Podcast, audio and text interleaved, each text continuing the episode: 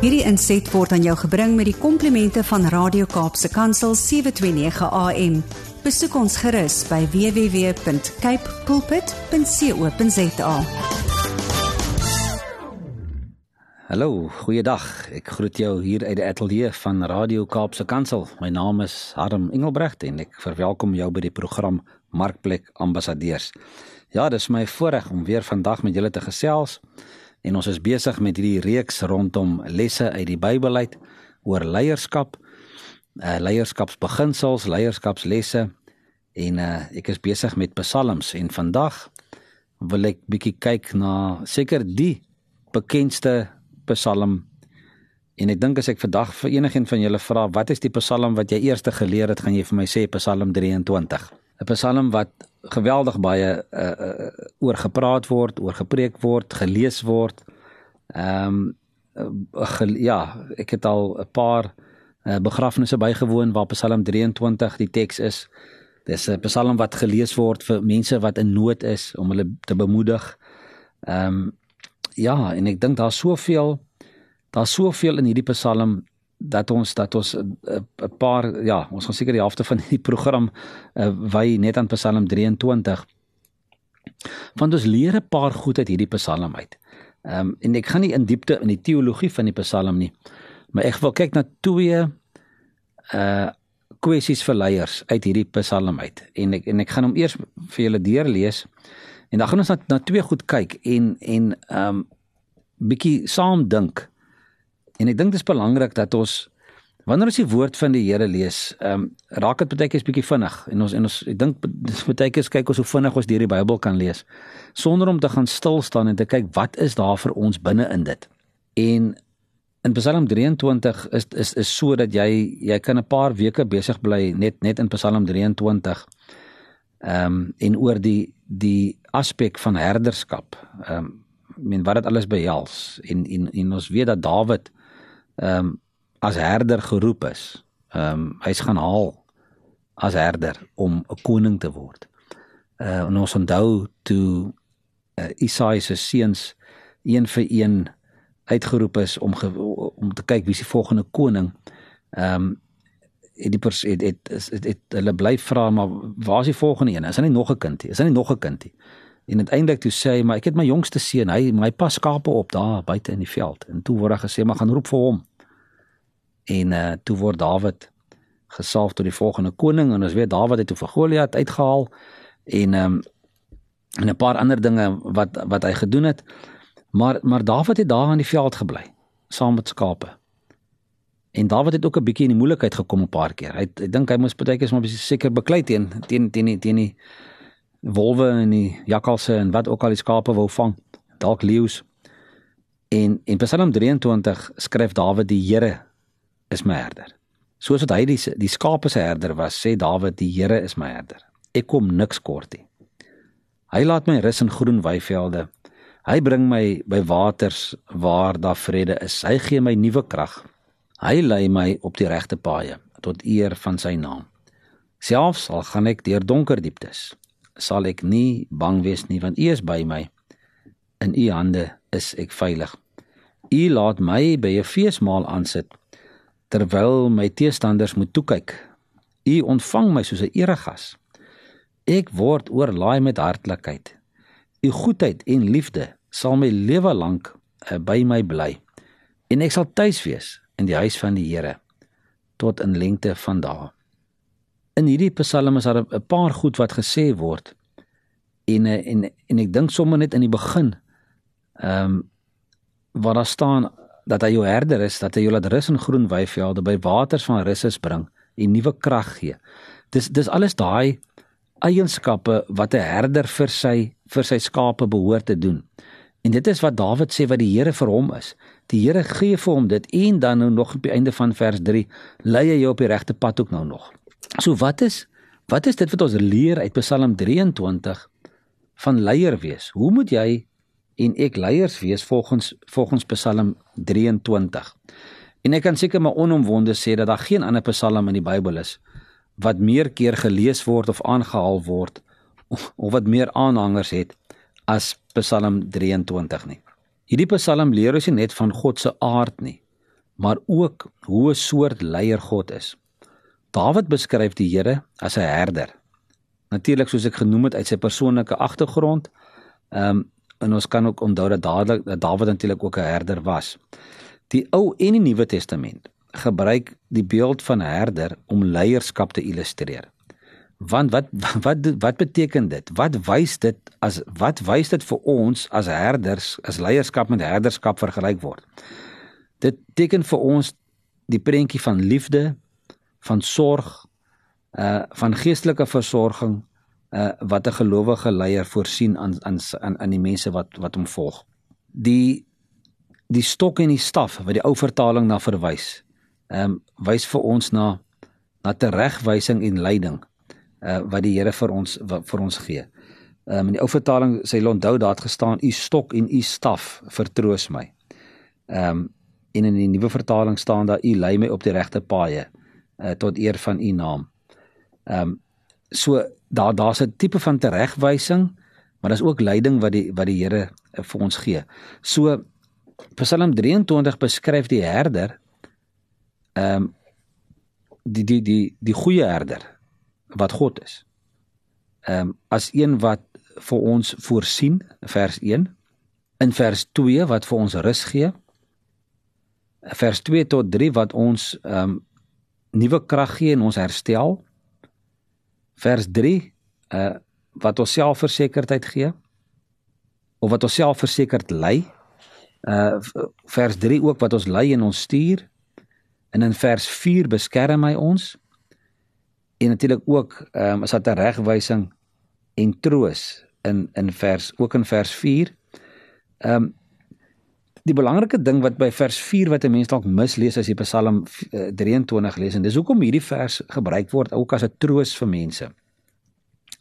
Vers 4 sê selfs al gaan ek deur donker dieptes sal ek nie bang wees nie want U is by my in U hande is ek veilig. En wat 'n mens moet raak lees daar is dat jy deur die donker diepte gaan.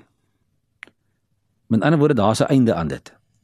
Daar's 'n begin en 'n einde. Jy gaan staan nie stil in hierdie donkerte nie. Hierdie donkerte waarin jy jouself waarin jy jouself bevind is nie die is nie die einde nie. So jy, jy kan deur dit gaan. En dan natuurlik uh, vers 5 waar hy vir jou voed, né? Hy sorg vir jou. Hy voed en hy vereer jou vers 6 hy het jou lief en hy versorg jou en natuurlik ook in vers 6 bied hy vir jou skuilings. So hoe tree jy as leier op teenoor teenoor jou volgelinge? Ehm um, soos wat God as herder teenoor ons optree, want dit is wat hy van ons verwag. So wees die voorsiener, gee rus, vernuwe en herstel, lei selfversekerd, lei en stuur, beskerm, wys te reg, uh, wees lief, versorg en bied skuilings. En dit is wat ook in hierdie Psalm uitkom as uh die herder as 'n mentor vir uh, um vir sy vir sy volgelinge. Maar dan is daar 'n ander gedeelte en dit is die die volgelinge wat ehm um, deur dalk deur slegte tye gaan.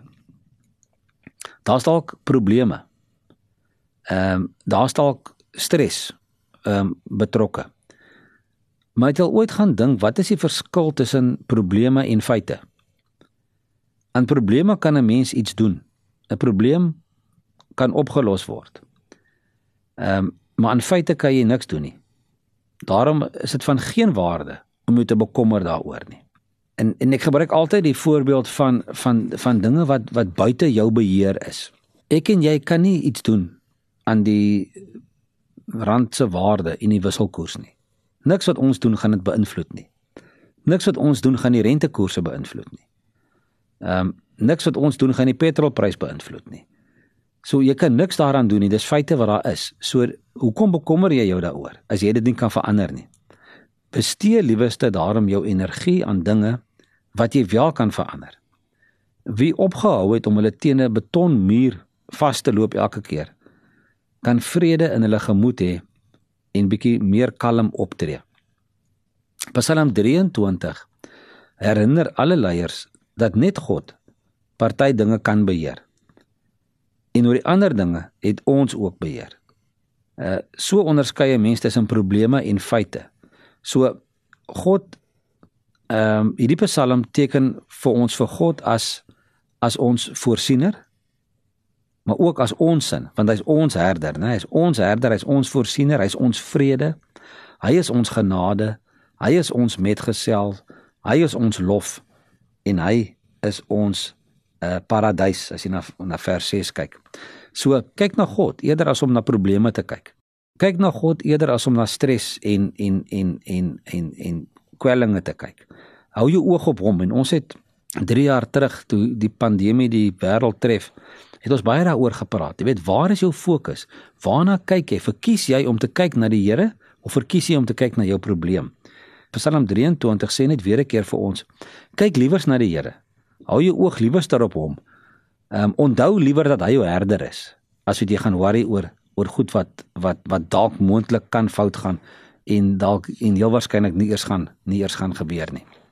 Ek wil aanskuif na Psalm 32 toe. Ehm um, en Psalm 32 is is weer 'n Psalm van Dawid. Maar hier praat hy oor vergifnis. En die Psalm se naam is U het my skuld vergewe. Psalm 32 begin Dawid met hierdie woorde: Dit gaan goed met die mens wie se oortredings nie gestraf word nie. Wie se sonde vergewe word. Dit gaan goed met die mens vir wie die Here die oortreding nie toereken nie en in wie se gees daar geen valsheid is nie. En dan sê hy die volgende woorde: Toe ek oor my sonde geswyg het, het my liggaam uitgeteer soos ek heeldag om hulp geroep het. U hand het dag en nag swaar op my gedruk. My krag het opgedroog soos water in somerhitte. Maar nou kyk wat gebeur in vers 5. Daar staan toe. Toe het ek my sonde bely. My oortredinge nie weggesteek nie. En ek het gesê: Voor die Here bely ek my opstandigheid. En U het my skuld vergewe. Dit is waarom elke gelowige in 'n tyd van nood tot U bid. Selfs vloedwaters sal hom nie skielik oorval nie. U is vir my 'n skuilplek. U beskerm my teen aanvalle. U laat my oorwinningsliedere sing. Vers 8: Ek wil jou onderrig en jou die pad leer wat jy moet volg. Ek wil jou raad gee en my oog oor jou hou.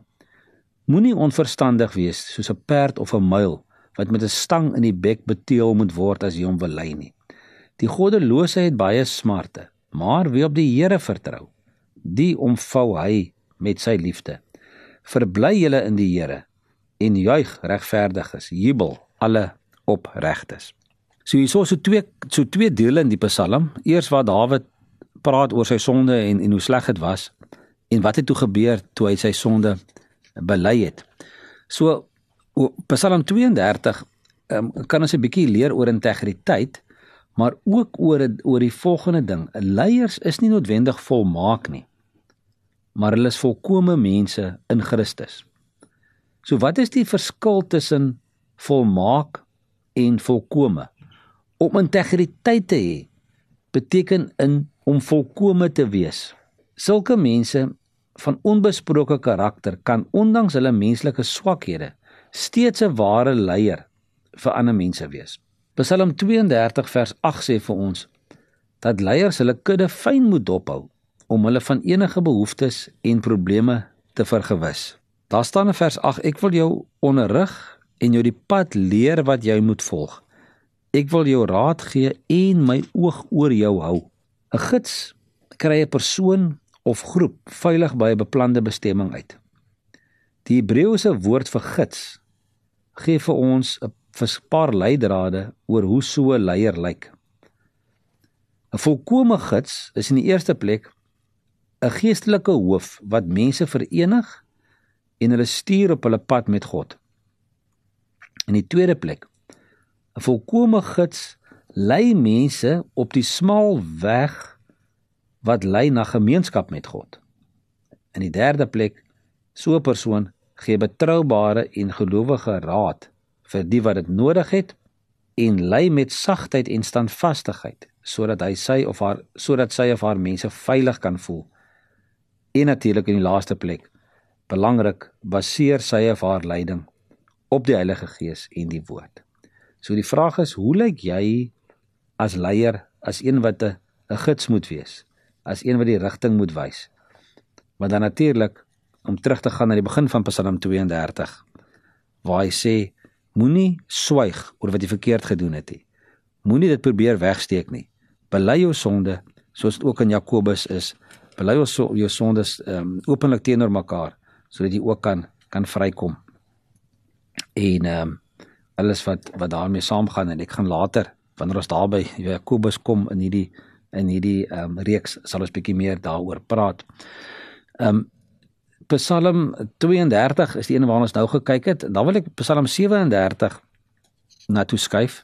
Dis 'n dis 'n langerige Psalm en ek gaan nie die hele Psalm lees nie want ons gaan in, in hierdie program tyd hê om deur die hele Psalm te lees nie. Maar ek wil tog 'n paar verse uithaal en dan net daaroor ietsie ietsie sê. Jy's welkom om Psalm 37 uh, te gaan deurlees. Dit is 'n belangrike Psalm wat wat sê laat jou lewe aan die Here oor. En dit begin sommer deur te sê moet jou nie ontstel oor skelms en jou kwel oor skurke nie. Want hulle eh, eh, want soos gras vergaan hulle gou en soos groenigheid verdwyn hulle sommer gou. Vertrou liewer op die Here en doen wat reg is. Woon en werk rustig voort. Vind jou vreugde in die Here en hy sal jou gee wat jou hart begeer. Laat jou lewe aan die Here oor en vertrou op hom. Hy sal sorg. Hy sal jou onskuld laat deurbreek soos die son, jou reg soos die helder lig van die middag. Daarom moet jy in stilte op die Here vertrou en jou nie ontstel oor die voorspoedige lewe van 'n skelm nie.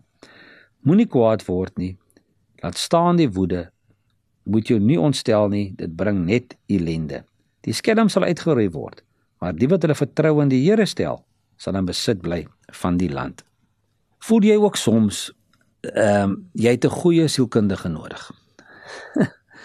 dan moet jy Psalm 37 lees. Ek dink Psalm 37 gee vir ons goeie terapie. Dawid skryf hier amper as 'n beraader en gee goeie wenke uh, vir as 'n mens voor krisisse en moeilike besluite uh, te staan kom. Of sodra jy ja onder druk is en die druk voel weens al die mededinging uh, en die kompetisie daar buite of gedryf voel om te presteer of in die versoeking kom om jou lot met die van ander leiers te vergelyk. Gaan staan net 'n oomblik stil en onthou hierdie woorde. Dawid bied hier 'n ewigheidsperspektief en 'n blik op die langtermyn wat kan help voorkom dat jy verkeerd besluite neem vir die korttermyn. Ek lees 'n paar keer die afgelope maand of twee ehm um, dat mense sê die grootste fout wat wat ons kan maak, wat mense kan maak, is of, of een van die grootste foute is om korttermyn besluite te neem wat nou voordelig lyk maar met met langtermyn negatiewe gevolge. So baie keer is daar in die in die in die in die hitte van die oomblik, ehm um, neem ons vinnige besluit en ons doen 'n ding wat dalk lank daarna, vir jare daarna slegte gevolge kan hê. So wat sê Dawid hierso? Hy sê vertrou op die Here en doen wat goed is, doen wat reg is, ongeag wat ander mense doen. Woon en werk rustig voort, moenie hals oor kop wees of dinge aanjag nie. Moenie te haastig raak oor 'n besluit nie. Stel die Here en die dinge wat vir hom saak maak eerste. God sal jou versorg en beloon. Laat jou planne aan die Here oor en vertrou op hom. Die uitkoms is in elk geval in sy hand. Ons kan niks aan die uitkoms verander nie. Hy bepaal die uitkoms. Word stil en bly geduldig. 'n Mens kry perspektief wanneer jy tot stilstand kom en 'n bietjie nadink. Moenie dat ander mense se voorspoed uh, jou kwel van jou knaag en jou ontstel nie. Sulke ontsteltenis vul 'n mens met negatiewe motivering. Jy moet daarteen waak om jou vir jou teenstanders te vererg. Woede bereik nooit die gewenste resultate nie. Dis maar kalmte en en en en 'n rustige gemoed wat ehm um, die die uitslag uiteindelik bring. Ehm um, en deur geweld gebeur aan nie veel nie. Uh, jy maak mense word seer gemaak, maar ja, um, ons weet dat dit nie tot die die, die uitkoms ehm um, lei wat wat nodig is nie. En natuurlik bly vertrou net op God. Die Here sal jou gebruik en jou besluite lei. Dit was 'n paar gedagtes rondom Psalm 37. Ek het uh, so 'n bietjie my tyd oorskry. Ek vra verskoning, maar ek wil graag hê dat julle maar uh, vir ons sal kontak by admin by cbmc.co.za indien jy 'n um, bietjie met my wil gesels of inligting wil verder wil hê of iets sê oor die programme. En as jy meer inligting wil hê oor CBMC, gaan kyk gerus na ons webwerf www.cbmc.co.za. En daarmee groet ek julle tot volgende keer. Totsiens. Hierdie inset was aan jou gebring met die komplimente van Radio Kaapse Kansel 729 AM.